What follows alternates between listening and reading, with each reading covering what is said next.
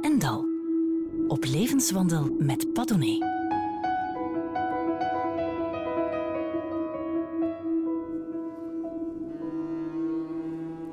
Precies een halve eeuw geleden verscheen Provo, een gestenceld ding op nauwelijks 400 exemplaren. Dat dingetje blijkt 50 jaar later het begin te zijn geweest van een collectieve geestesverruiming.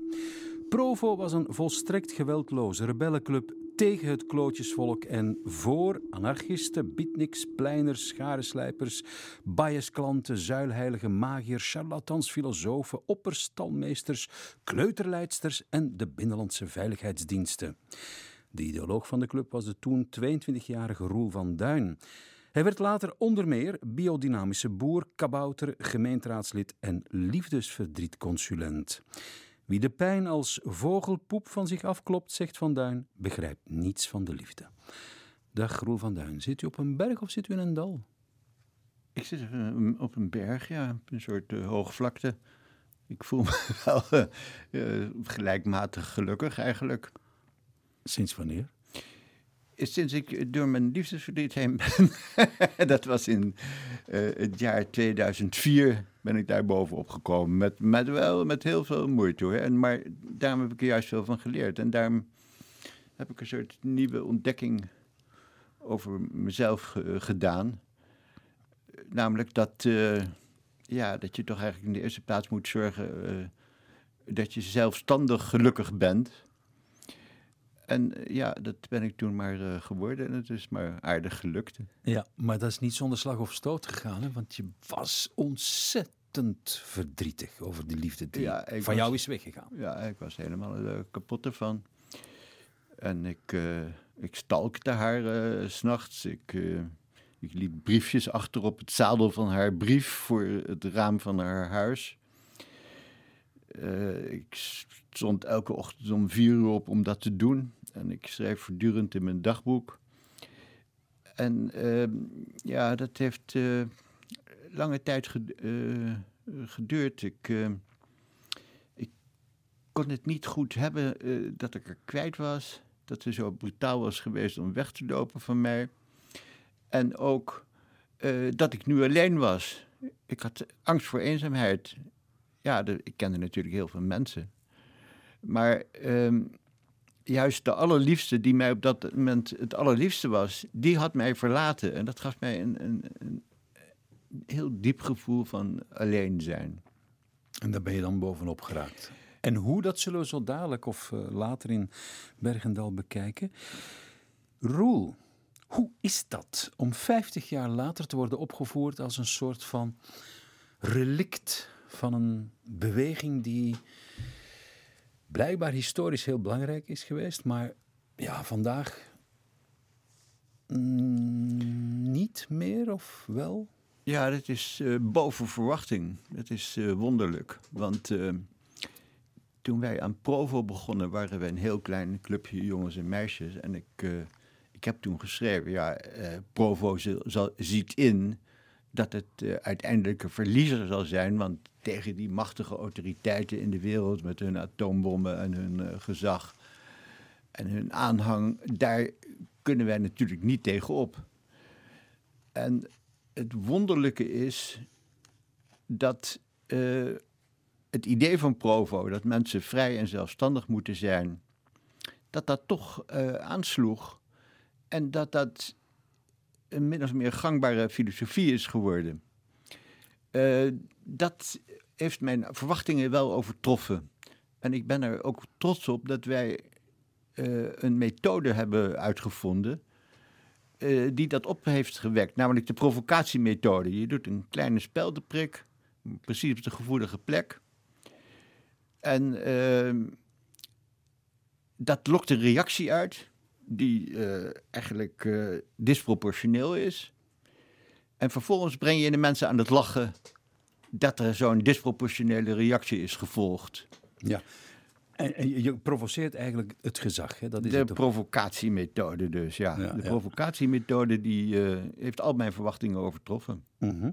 Je was een, en bent waarschijnlijk een, uh, nogal een bewonderaar van de Russische anarchist Peter Kropotkin. Zeker, daar heb ik een boekje over geschreven, ja. Ja, Ehm, De filosofie van de wederkerige hulp, die heeft mij erg aangesproken en geïnspireerd. En ik vind het nog steeds heel erg goed eh, eh, als, als, als grondslag voor een, een, een maatschappij eh, waarin niet, eh, geen tirannie is, waarin ge- geen, geen overdreven autoriteit is, maar waarin de mensen zelf in hoofdzaak verantwoord, verantwoordelijk zijn. Eh, op basis van elkaar helpen. die wederkerigheid waar je het over heeft. ja, ja, ja, dat vind ik een hele goede eh, filosofische uitgangspunt. We geven om elkaar, om elkaar, om elkaar. Hè? Of we zijn er voor elkaar, voor elkaar. En je weet wat Jasperine de Jong daarbij zingt? De duivel aan te doen. Daar lijkt het toch wel De op. duivel aan te doen. Ja, De duivel aan te doen.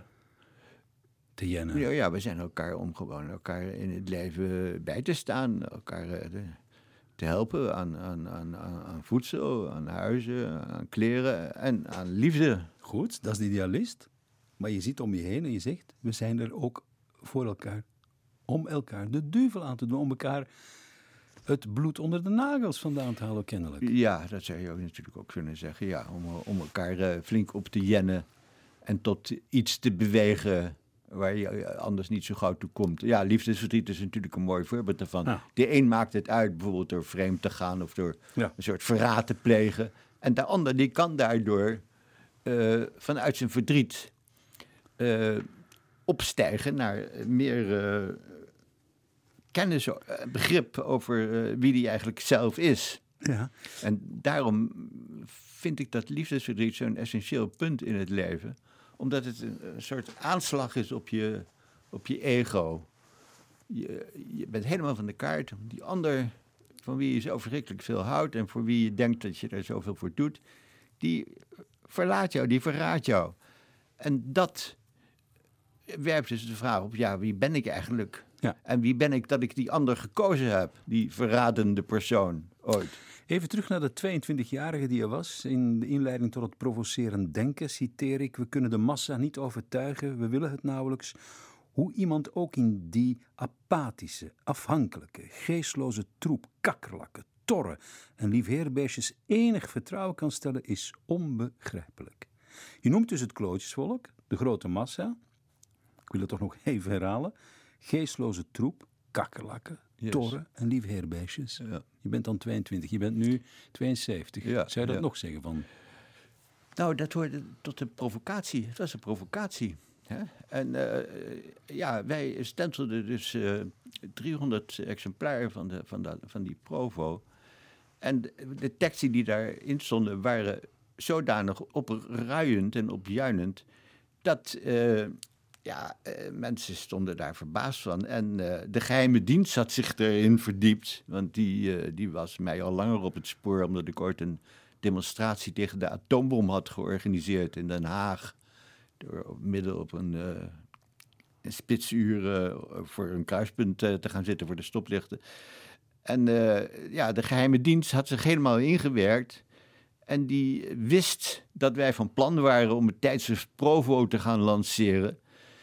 En juist op het moment dat wij klaar waren met stencelen, werd er aangebeld. En eh, als vanzelfsprekend liepen die agenten, naar mijn gasmeterkastje, want ze wisten dat daar de gestencelde exemplaren van dat, eh, van dat vreselijke tijdschrift klaar lagen. Ja. En namen het grootste gedeelte in beslag. Maar er zijn er nog een paar gered.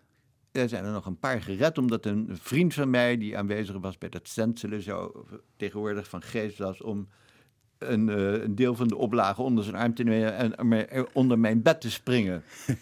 en, en, en met dat geredde gedeelte gingen wij naar de krantenredacties, diezelfde dag nog. Nou ja, niet ik, want ik zat op het politiebureau in een cel.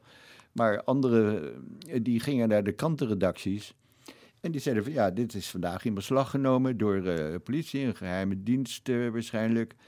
En het gevolg was dat de inhoud van het tijdschrift Provo in alle kranten en via de radio bekend werd gemaakt. En dat overtrof natuurlijk eh, verre, verre, verre het effect van die mogelijke 300 eh, gestencelde exemplaren. Roel, je gaat, Roel van je gaat uh, lezen uit dat eerste nummer, het allereerste nummer van 12 juli 1965. Een tekst neem ik aan die je zelf hebt geschreven. Ja. Provo voelt zich voor de keus gesteld. Desperaat verzet of leidzame ondergang. Provo roept op tot verzet waar het kan. Provo ziet in dat het de uiteindelijke verliezer zal zijn. Maar de kans deze maatschappij, althans nog eenmaal, hardgrondig te provoceren, wil het zich niet laten ontgaan.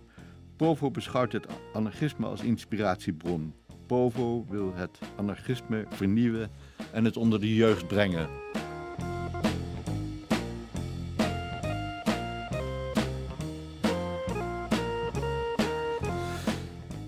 Anarchisme, daar hadden we het al over, Roel van Duin. Ehm, kun je nu zeggen dat jullie beweging een soort van reenactment was? Of een, um, een nieuw soort dada dat we hadden zo rond Wereldoorlog 1? Ja, daar was het natuurlijk wel uh, erg verwant mee. Want uh, Dada was ook uh, ludiek, kun je zeggen. Ja, ja. Um, maar het was wel ook geïnspireerd op de opkomst van een nieuwe klasse van jongeren die uh, wat meer vrije tijd hadden, die uh, niet helemaal vastgekoppeld zaten aan de, de, de bestaande economie. Uh, studenten, artiesten, gewoon rondhangende, langharige jongeren. Zodat het met meer een, een politiek massaverschijnsel kon worden. En Dada was natuurlijk ja, voor beperkte kunstenaarskringen. En dat is wel een verschil natuurlijk. Daardoor had de Provo ook een meer explosieve kracht, denk ik. Maar die, je zei het al eerder, de, de lach, de humor was toch ontzettend belangrijk. Uh, jullie liepen in, uh, hoe zeg je dat, uh, witte, witte pakken rond, witte spijkerpakken. Ja, en we deelden krenten uit. Krenten? Krenten uit, want een krent is het symbool van liefde. Want uh, Krent, het woord Krent is een verbastering van het woord Korinthe, Korinthe, de plaats waar de apostel Paulus over de liefde predikte.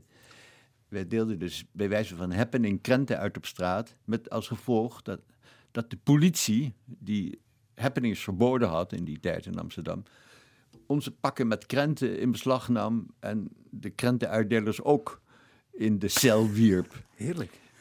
En eh, ja, dat bracht natuurlijk wel de lachers op onze hand. Want uh, mensen zeiden, ja, is dat niet een beetje te ver om met, met krenten te behandelen als mensen met bommen?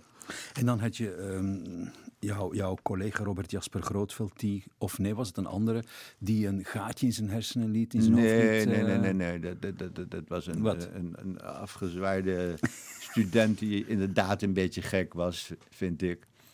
Uh, ja, die, die boorde in zijn voorhoofd uh, een gaatje met het idee dat hij dan uh, uh, verlicht zou kunnen worden. Ja. Nou ja, dat lukt dus niet op die manier. Maar goed, een soort van milde waanzin verspreidde zich toch over de stad en het land misschien Zeker. Ja. ja. Ja, en dat werd als waanzin beschouwd, maar het was eigenlijk een soort van ontwaking van het mens als individu. Kijk, in die tijd waren Nederland en België eigenlijk nog landen zoals ze voor de oorlog waren geweest. Ja. Ze waren, werden bestuurd door uh, patriarchen, door bazen die uh, ja, eh, wel gekozen waren. Er was wel een parlementaire democratie, maar het was niet een democratie voor mensen van alle dag, waarin de mensen in de dagelijkse werkelijkheid hun eigen verantwoordelijkheid konden nemen. Ze, waren, ze leefden op gezag. En daartegen kwam Provo in beslag, in, in, in, verzet, in verzet. Bij ons had je bijvoorbeeld op dat ogenblik, misschien zegt die naam u weinig, maar hier in Vlaanderen heel veel, of in België, vader, vader IJskus. En als hem wat werd voor de voeten geworpen door journalisten, dan zei hij geen commentaar. Dat soort van gezagshebbers. Ja, inderdaad. Dat legde geen verantwoording af aan, uh, aan, aan het volk, aan de mensen. Dat, dat, dat was contactloos gezag. Het, was, het, het werkte op commandobasis. Ja, en daar moesten wij dus niets aan hebben. Ik had het in mijn eigen leven ervaren doordat ik, dus toen ik 18 eh, jaar was en op school zat, had ik samen met mijn vrienden demonstratie tegen de atoombom uh, uh, georganiseerd. En dat, dat verwekte opschudding. En de rector vond dat dat de naam van de school in, in discrediet bracht. En als gevolg daarvan ben ik van school gestuurd en mocht ik geen eindexamen doen. En toen dacht ik, ja, hier klopt iets niet. Ik kom op voor de vrede. Dat is toch ook iets wat, wat een gerespecteerd ideaal is, want uh, daar zijn wij voor opgevoed na de Tweede Wereldoorlog. En wij worden daarvoor gestraft. Want het gezag zegt zomaar van nee, dat mag niet, nu mag je geen eindexamen doen. En dat heeft mij het gevoel gegeven van ja, ik moet in verzet komen tegen een autoritaire maatschappij. Als je dan ziet, hè, Roel van Duin, je komt uit die proofbeweging, je slaagt erin om in de loop van de decennia, jij natuurlijk niet alleen en jullie niet alleen, maar bon, het, is, het zaadje is gelegd om een soort van autonome, zelfverwerkelijkende samenleving te creëren. Mensen komen autonoom op, soeverein. Vervolgens moet je ook toegeven dat dat soevereine volk, dat zelfverwerkelijkende, altijd maar aan zichzelf denkende, dat dat de andere kant op gaat. De slinger gaat naar het hyperindividualisme. En nu krijgen we misschien weer een nieuwe reactie daartegen, dat namelijk inderdaad niet alles moet kunnen. Hè? Ja. Uh, Met andere woorden, ik gaat het niet dat, altijd dat, de hele maar tijd dat, dat was natuurlijk ook toen al het geval. Van, ik, ik noemde net die man die het gaatje in zijn uh, voorhoofd borde. Dat gaat dus over een bepaalde grens heen waarin uh, individualisme gezond is. Mm Inderdaad, eh, individualisme moet eh, ook eh, aansluiten op gemeenschapszin. Want wij zijn, een, wij zijn een, een, volk, we zijn volkeren die bij elkaar horen en elkaar beschermen met wederkerige hulp. Maar contra nulla tirannije. Wij beschermen elkaar tegen de dictatuur die ons van buitenaf bedreigt. Uh, en tegen, ook tegen, tegen geestelijke ontsporingen, zoals verslavingen. Vandaar dat wij dus uh, waarschuwden tegen de verslaafde consument van morgen. Want niets is bevattelijker voor, voor angst en voor aanslagen en voor. Uh, terreur? Het, het, voor terreur en voor het verdwijnen van de democratie dan de verslaafde passieve consument. En um, ja, dus we moeten de handen ineens slaan, inderdaad. En, en moeten we dat doen, Roel, zoals we nu bezig zijn met de veiligheidsdiensten alle macht weer te geven? Je hebt daar ook uh, serieus mee te maken gehad. Je hebt daar zelfs een heel boek over geschreven, de diepvriesfiguur. Ja, ik, ik heel even kort aansnijden, maar het is een onwaarschijnlijk verhaal. De Binnenlandse Veiligheidsdienst... Heeft mij 30 jaar gevolgd. Ja, heeft mij 30, 30 jaar, jaar, ja, vanaf mijn 18e jaar tot uh, eind jaren tachtig ongeveer. En uh, ja, dat, dat werd gedaan omdat men dacht van, uh, ja, dat is iemand die de maatschappij op stelte zet, die het gezag ondermijnt, die misschien wel banden heeft met het communistische Rusland. Ehm, en Bovendien, het is eigenlijk wel leuk werk om zo iemand te volgen, want hij is ongevaarlijk, hij is ludiek, hij, hij spreekt geen Arabisch en hij werkt eigenlijk niet met bommen. Uh, dus die, ja, die geheime dienst, die heeft het zichzelf uh, veel te gemakkelijk gemaakt door, door zijn energie aan, aan, volstrekt onschuldige personen te wijden. Maar een van de remedies was toch dat als je je nog een beetje te veel uh, zou opspelen, dat je dan werd diepgevroren. Ja, ja, ja en, en, en de laatste dagen denk ik wel eens. Ja, uh, dat idee van dat je gevaarlijke personen moet diepvriezen, dat wil zeggen dat je ze uh, buiten gevecht moet stellen in een, uh, in, in, in, een gevangenis of zoiets dat is niet helemaal zo idioot als het lijkt uh, in de tijd dat het op mij werd toegepast. ik denk wel dat het zinvol zou zijn om personen die verdacht zijn van eh, bomaanslagen nu ten behoeve van uh, krankzinnige IS dat die, uh, om, om, die mensen in preventieve hechtenis te nemen. Om ja. ze diep te vriezen. Ja, ze diep te vriezen. Boudewijn de Groot zong in 1965, toen jij 22 was, uh, Roel van Duin, en de revolutie uh, predikte. Meisje van 16, ze werd vermoeid, zag bleek en vaal, verloor haar jeugd, haar ideaal. Ben jij jouw ideaal verloren? Nee, ik ben mijn ideaal niet verloren. Ik, ik, ik leef wel sterk vanuit mijn ideaal. Uh, maar tegelijkertijd ben ik inderdaad wel uh, meer en meer doordrongen geraakt van het belang van realisme. Want ja, niets is eigenlijk fantastischer dan uh, de werkelijkheid. Maar dan moet je de werkelijkheid ook wel heel nauwkeurig en gedetailleerd op zijn huid zitten.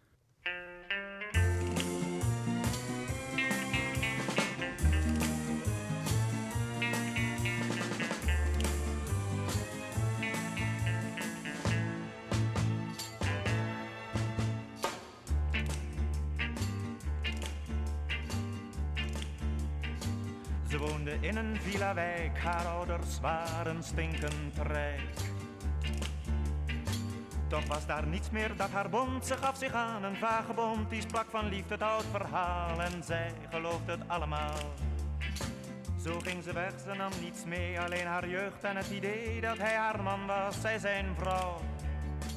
En het altijd zo blijven zou.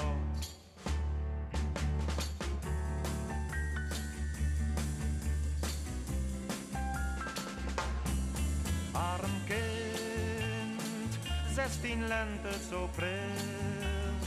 Ach, wat lig je hier stil, langs de kant van de weg.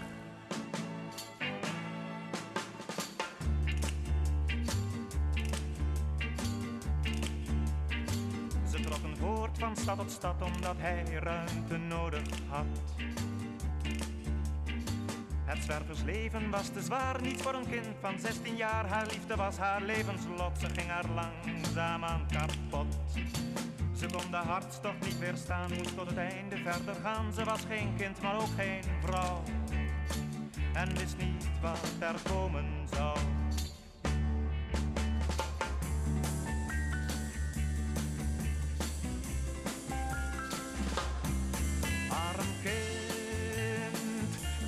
Lente zo pril. Ach, wat lig je hier stil, langs de kant van de weg.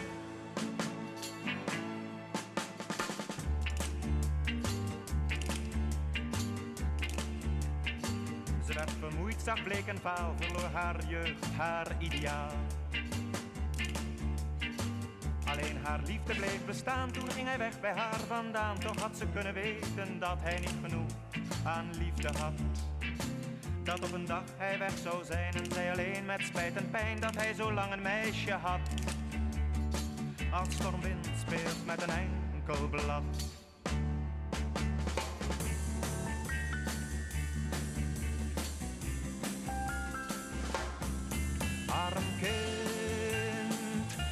Zestien lente zo pril. Ach, wat lig je hier stil, langs de kant van de weg.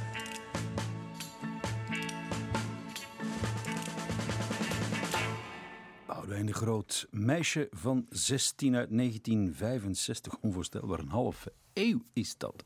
Bij mij zit Roel van Duin. Hij is uh, ja, de ideoloog, stichter van Provo-beweging, de provocatie in 1965. Wat is hij nog allemaal geweest? Werd nadien biodynamische landbouwer, kabouter, gemeenteraadslid en liefdesverdrietconsulent. Komen we nog op terug. Je bent gaan boeren, Roel van Duin. Ja, ik ben... Uh... Een tijd lang ben ik wethouder geweest van, uh, van Amsterdam. Schepen heet dat in het Vlaams. En ik heb toen een, groot politiek conflict gehad. Het ging onder andere over atoomreactoren. Ik was voorstander van zonne- en windenergie, maar dat werd in die tijd beschouwd als een soort omgekeerde Don Quixoterie. Er werd een motie van wantrouwen tegen mij aangenomen. En ik ben toen uit mijn, mijn ambt gezet. En ik vond dat zo onrechtvaardig dat ik een tijd lang buikpijn had van de politiek en mij wilde gaan recupereren aan de natuur. Ik ben toen inderdaad boer geworden, biologische boer in, uh, in Oost-Groningen. Ik heb een vervallen boerderijtje gekocht. En zes jaar lang heb ik daar gewerkt met koeien en als kaasmaker samen met mijn uh, vrouw. Ja, dat had je al eerder gedaan in Walcheren? Ja, dat had ik eerder gedaan in, in een periode dat, dat ik somber was, omdat eh, Provo dood was. Ja. Dat was in 1967. En dan ben ik toen ook verschrikkelijk opgeknapt op die boerderij. door dat is- het werken met de natuur. Maar je bent een stadsjongen, je komt uit Den Haag, je woonde in Amsterdam en kennelijk moet je dan om te recupereren naar de, naar de buiten trekken. Ja, ja het was een, eh, een geniaal advies geweest van een dokter. Ik was, na- de dood van Provo dacht ik dat ik zelf doodging. Ik dacht dat ik kanker had en zou sterven. Ik had me blijkbaar zo vereenzelvigd met Provo... dat eh, dit daar het gevolg van was. En ik lag eh, roerloos op bed en eh, kon niks meer. En toen de dokter mij herhaaldelijk bezocht had, zei hij... eh, Van Daan, jij moet eens een keertje dat denken aan... hoe het nu verder moet met de revolutie uit je hoofd zetten. En je moet eens iets heel anders gaan doen. Je moet eens op een boerderij gaan werken. Geniaal advies. en, eh, en ik dacht, ja, inderdaad, wat, een boerderij. Ik weet, niet waar, ik, ik weet niet waar ik moet. Maar toen herinnerde ik me, mijn ouders aten volkorenbrood van Loverendalen. En toen ben ik dat woord Loverendalen gaan opzoeken. En dat bleek inderdaad een biologische dynamische boerderij te zijn op het eiland Walcheren. En eh, ja, daar heb ik toen eh, eigenlijk een, een heerlijke tijd gehad, een opknaptijd. En die boer die geloofde in kabouters, In kabouters. dat die heel Ja. belangrijk waren voor de, voor de groei van de gewassen. En dat inspireerde mij zo dat ik ook ineens zag eh, hoe dat verder moest gaan met de revolutie, namelijk de oprichting van een kabouterstaat. Het staat. Oh ja, van ja, kabouters. een kabouterstaat. En dus ik, eh, zodra hij mij had ingelicht over die kabouters als schakel tussen mens en natuur, toen dacht ik, ja, wij moeten inderdaad, wij moeten een soort eh, menselijke kabouters worden. Die eh, weten hoe je met, eh, met de natuur omgaat. Want dat is een heel groot probleem geworden met de, de milieuvervuiling enzovoort. Als ik nu naar jou kijk. Dus ik, ik heb diezelfde dag heb ik nog eh, die boeren hand, de hand gedrukt. Ik ben met de trein teruggegaan naar Amsterdam. En in de trein heb ik het eerste kaboutermanifest geschreven. Maar als ik zo naar jou kijk, je hebt wel iets van een kabouter weg, hè? Zo Nou, borstelige wenkbrauwen, wat niet Dank erg groot uitgevallen. is, Alhoewel ik mijn baard heb afgeschoren. Maar toen met- een baard? Toen had ik wel een baard, ja. En ik leek toen nog meer op een kabouter. Tegenwoordig heb ik iets van een mens, namelijk. Zie je Ja. hoe- Maar ehm, dat boeren ook later, in Ja. dat kaas maken. Ja. Ik, ik herinner me dat nog heel goed. En dan, dan, dan kwam je op een verdwaalde maandag in een blad tegen, tussen de koeien. En dan dacht je, wat gek is die man. Meent hij dat of is dat nu een beetje PR? Of, of... Ja, ik, heb heb, dat dat, soms ik heb dat zes jaar gedaan met grote eh, inzet. Een liefde. En liefde en fanatisme haast. Want eh, ja, als boer moet je heel erg hard werken. Zeker als je het niet eh, van oorsprong bent. Dus ja, ik moest voor het eerst ook mijn handen gebruiken. Dat was ik ook helemaal niet gewend.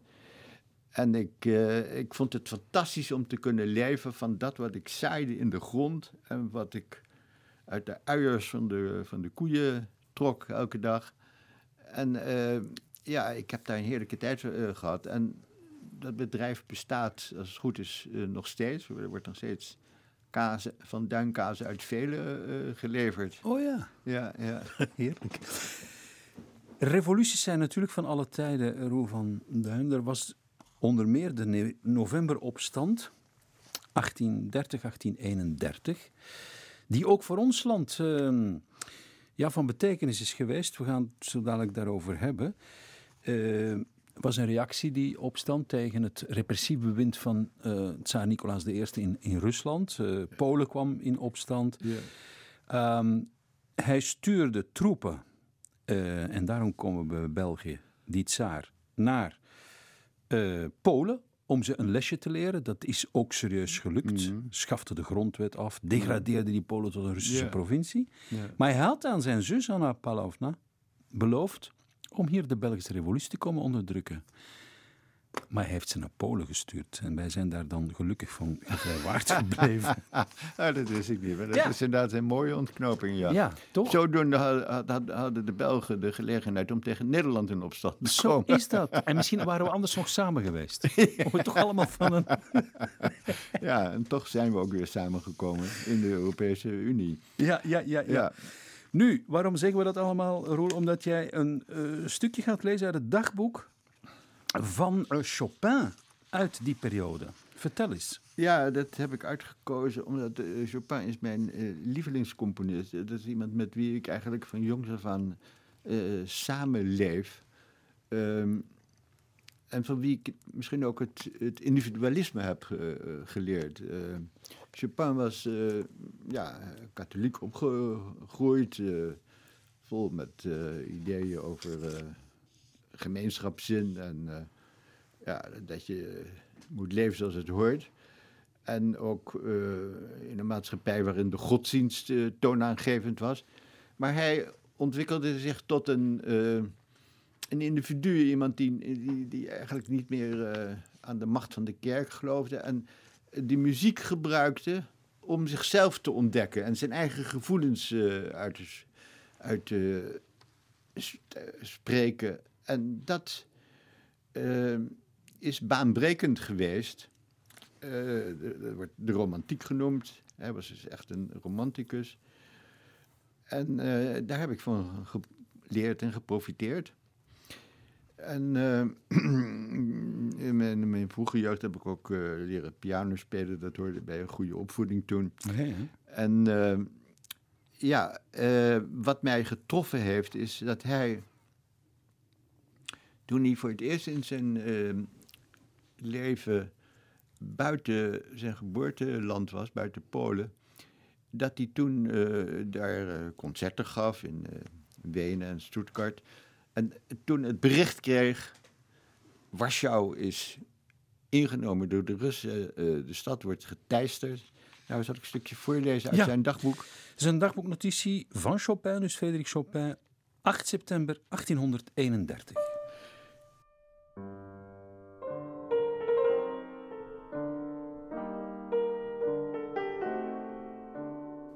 De buitenwijken van uh, Warschau zijn vernietigd, verbrand.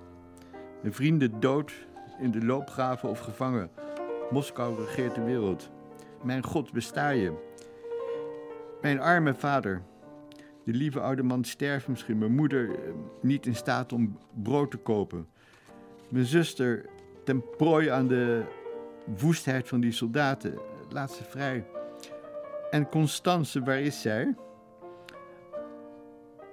Ach, de bezetter worgt en onteert. Dood haar. O mijn leven, mijn leven, kom bij me. Dan zal ik je tranen drogen. En wil ik de wonden van tegenwoordig genezen door herinneringen uit het verleden. Uit de tijd dat er nog geen onmenselijke terroristenhorde bestond. Heb ik geen moeder meer? Hebben ze haar misschien ook vermoord? En ik sta hier werkloos met geboeide handen. En ik kan alleen maar zuchten en mijn wanhoop uitklagen op de piano.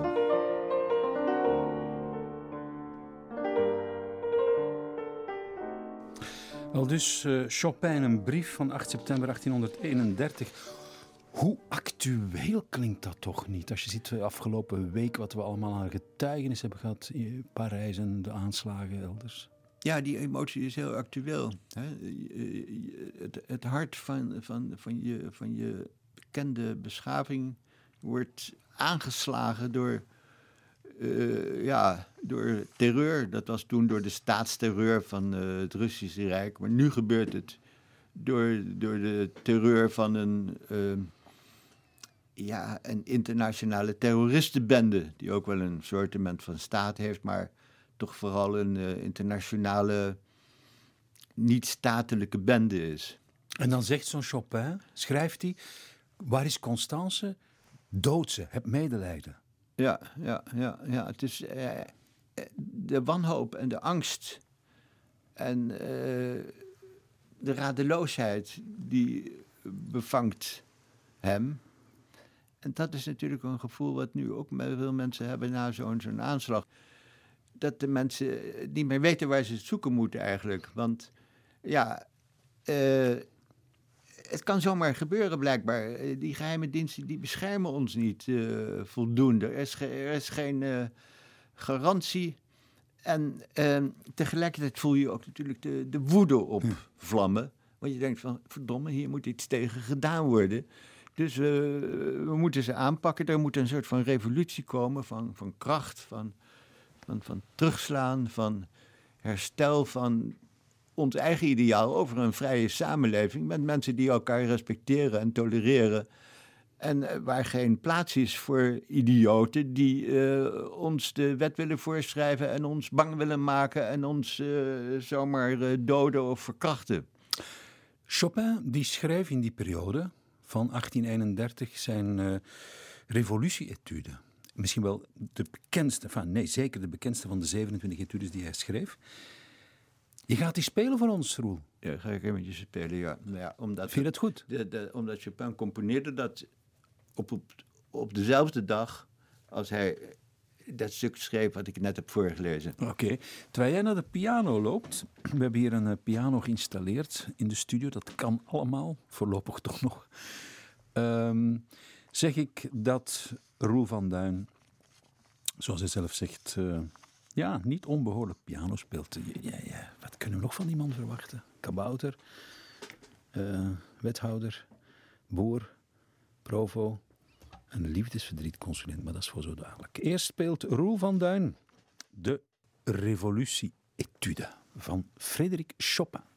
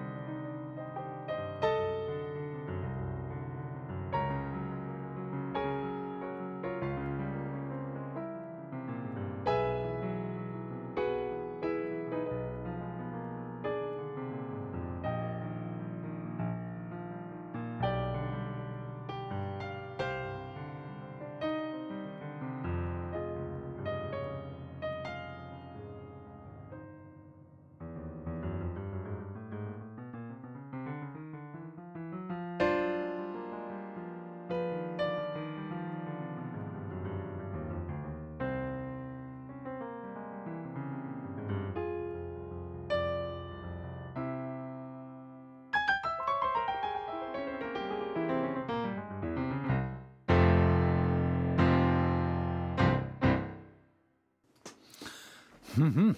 Roel van Duil speelde hier live in de studio van Clara Chopin. De revolutie etude, opus 10, nummer 13 voluit. Opgedragen trouwens aan Frans Liszt. Een ehm, etude uit 1831. Roel is er net eh, terug bij komen zitten. Wat doet je dat eh, zo live spelen? Het ging mooi, hè? Ging... Ehm, nou ja, dat, uh, dat, is iets wat wij, mij behoorlijk uh, bezielt. Ik, door elke dag speel ik een half uurtje. En ik heb ook een genootschap voor Chopin opgericht. Oh. Waarbij wij geregeld, bijvoorbeeld op zijn geboortedag, bijeenkomen. En dan iets vertellen over waarom wij die stukken spelen, wat het betekent in je leven. En, uh, is dat dan op 1 maart of op 22 februari? Want er is. Uh... Ja, er zijn inderdaad twee versies. Uh, Chopin zelf ehm, heeft het geheim gehouden, heeft het, ja. heeft de, de, de, de, raadselachtigheid heeft hij gecultiveerd. Ja. Het schijnt dat hij het in, in, in, het, in het oor van zijn zuster gefluisterd heeft maar niet bekend wilde maken wat nu de waarheid was. En wat kiezen jullie? Wij kiezen 1 maart. Ja. Mooi, de lente die dan begint. Ja, Roel van Duin. Wie de pijn als vogelpoep van zich afklopt, begrijpt niets van de liefde, zeg je. Ja, ja, ja. Kijk, liefdesverdriet heb ik uh, gemerkt in mijn leven. Is een. Uh, in het begin is het een, een onoverzichtelijk probleem wat je helemaal kan, kan, kan opvreten. Want het is een soort, soort aanslag op je, op je bestaan. Als, als iemand je tegen je wil uh, verlaten, iemand van wie je vreselijk veel houdt. Maar uh, ja, die pijn die daar het gevolg van heeft, die heeft natuurlijk wel een, een, een zin.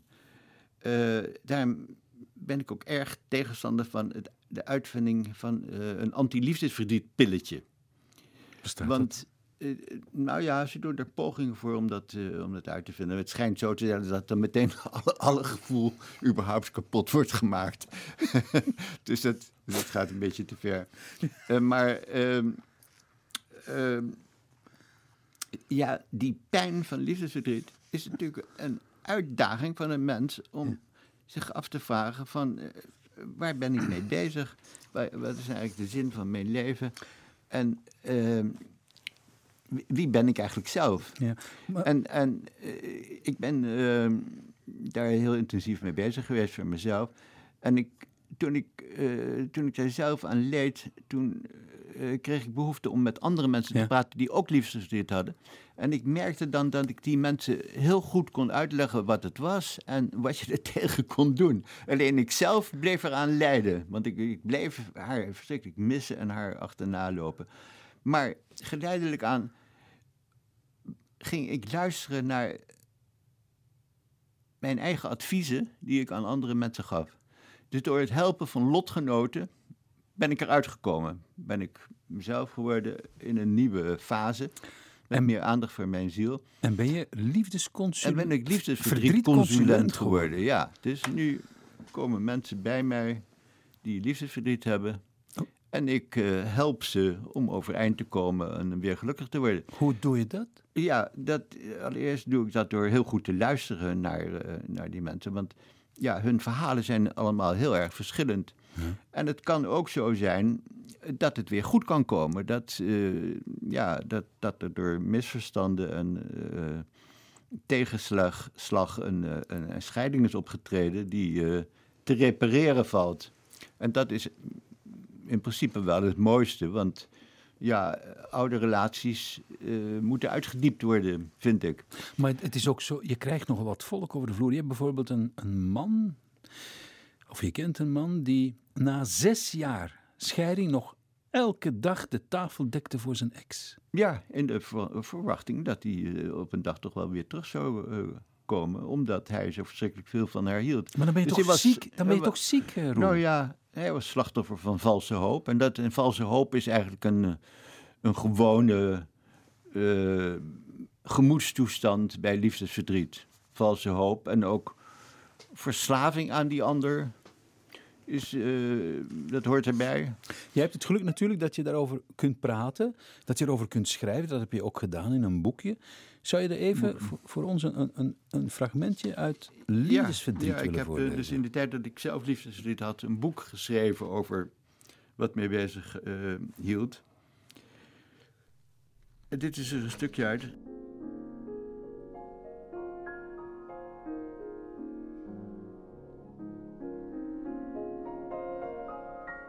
Gisteren heb ik honderd blokjes rond haar huis gelopen.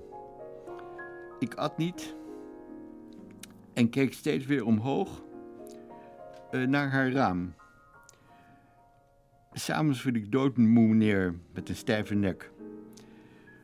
Hoe word je zo eenzaam als je je verlaten voelt door je liefste? Want die ander van wie jij zo houdt, die heeft jou verlaten. En daar zit je, alleen. Ergere eenzaamheid is er niet. Die ander, dat ben jij zelf. Je- vereenzelvigt je met haar of met hem. De uren gaan traag, je huilt, je ligt, je belt radeloos mensen, maar je komt er niet uit. De ware, met een hoofdletter, antwoordt niet meer. Je moet jezelf opnieuw uitvinden. Ik liep rondjes, ik wachtte. Ik kwam met rozen bij haar terug, na maanden. Ik was aan haar lijntje, zodat ik zelf een besluit moest nemen. Ik moest mezelf opnieuw uitvinden. Wie ben ik zonder die ander? Ik ging andere mensen die aan hetzelfde leden helpen. Liefdesverdriet is de pijnlijke geboorte van een nieuwe mens. Zegt Roel van Duin, leest Roel van Duin over zijn eigen liefdesverdriet. Ben je een nieuwe mens geworden? Ja, ik ben er inderdaad wel behoorlijk door veranderd. In die zin dat ik, voordat ik dat eh, vreselijke liefdesverdriet had, ehm, me vooral richtte op politiek, op het organisatie van de maatschappij. En eh, daarna ben ik me veel meer gaan bezighouden met eh, de ziel van de mens. Wie ben ik eigenlijk? Wa- wat is de kern van, van, van mijn bestaan als mens? Wat wil ik? Wat beweegt mij? En eh, ja, dat vind ik zelf eh, een heel mooie overgang. Want eh, ja, daardoor word je een meer complete mens. Ik heb er in de politiek trouwens ook wel last van gehad dat ik eh, onvoldoende mensenkennis had. Dat is iets wat volgens mij politici vaak, vaak plaagt.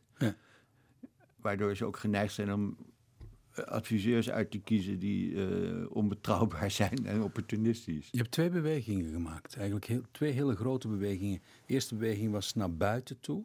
En vervolgens ben je via een lus waarschijnlijk naar jezelf toegekomen. Ja, ja, ja, zo kan je het zien, ja. Ja, ja, ja dat is... Socrates, ken u zelf? Is, is iets wel... Ja, Socrates, eh, vele, vele toch- wijzen zijn mij voorgegaan. ja. Maar Roel, het is toch gek dat je eerst de samenleving wil eh, gaan eh, dynamiteren, veranderen, revolutionaliseren en eigenlijk jezelf daarbij vergeet en, en dan pas toekomt aan wat misschien wel het belangrijkste is.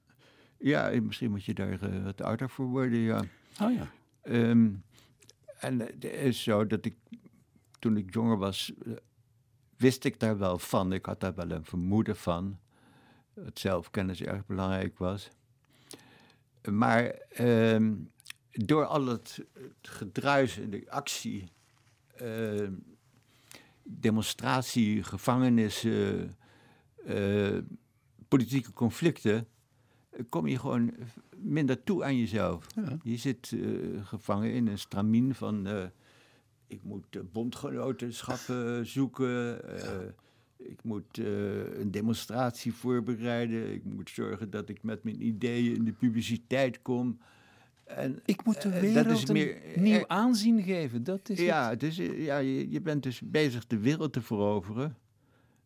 Terwijl je nog niet goed jezelf bent. En dat is natuurlijk een moeilijke situatie. Die gedanken zijn vrij. Daar gaan Ja. we nu naar luisteren. Tussen uh, de componist en de tekstschrijver zijn onbekend. Maar ja, de tekst is inmiddels uh, een beetje gemeengoed geworden. Die gedanken zijn vrij, wer kan ze erraten? Ze vliegen voorbij wie nächtliche Schatten. Ja, Gedanken. dat is een liedje wat in concentratiekampen vaak werd gezongen door mensen die... Uh, die de moed erin wilden houden en die de autonomie van hun gedachten overeind wilden houden en hun innerlijke vrijheid. En, en, en nou ja, dat vind ik een prachtig uh, parool. Dat is een traditie die we moeten voortzetten en uitbouwen. We willen horen een versie van Hans Reefus met het Wiener Festivalorchester.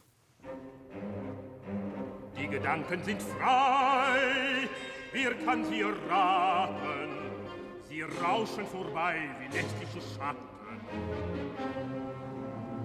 Kein Mensch kann sie wischen, kein Jäger sie schießen. Es bleibt dabei, es bleibt dabei. Die Gedanken sind frei. Im Sommer ist gut lustig sein auf hohen wilden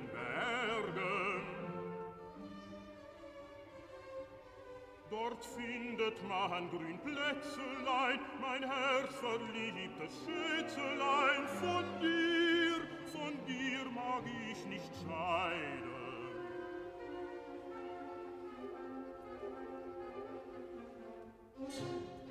Und sperrt man nicht ein in finstere Kerker, dies alles sind nur, dies alles sind nur vergebliche Werke. Denn meine Gedanken zerreißen die Schranken und Mauern entzwei. Die Gedanken sind frei, die Gedanken sind frei. Im Sommer ist gut lustig sein, gut lustig sein auf hohen wilden Bergen.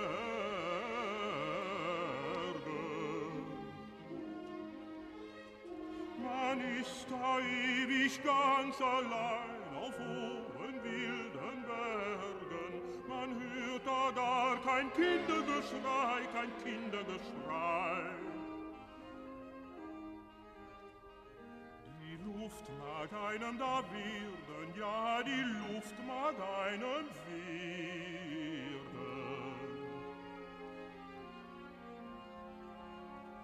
So sei's wie es sei, und wenn es sich schicke, nur alles, alles sei in der Stille, nur als in der Still, als in der Still.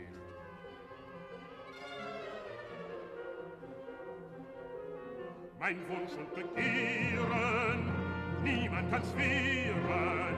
Es bleibt dabei, die Gedanken sind frei, die Gedanken sind frei.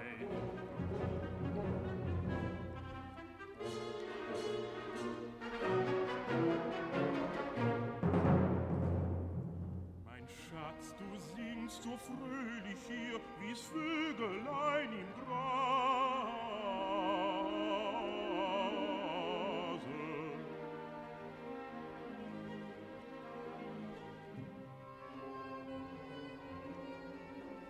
Steh so traurig bei Kerkertür, wär ich doch tot, wär ich bei dir, ach muss, ach muss ich immer denn klagen,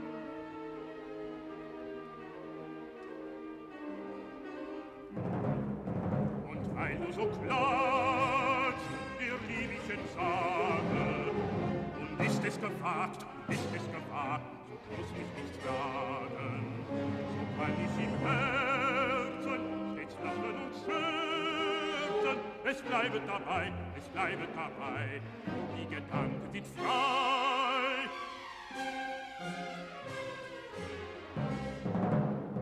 Die Gedanken sind frei.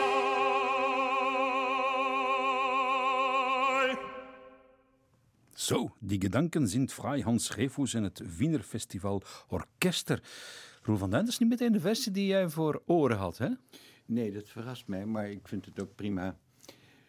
Ik had meer gedacht aan die gedanken zien vrij, weer kan ze erraten. Maar dit is ook wel prachtig. En uh, dit is ook mijn, uh, mijn eigen persoonlijke credo. Mens moet vrij zijn en ik wil vrij zijn en ik wil me dat ook nooit laten afnemen. En uh, wij moeten dat allemaal zijn vrij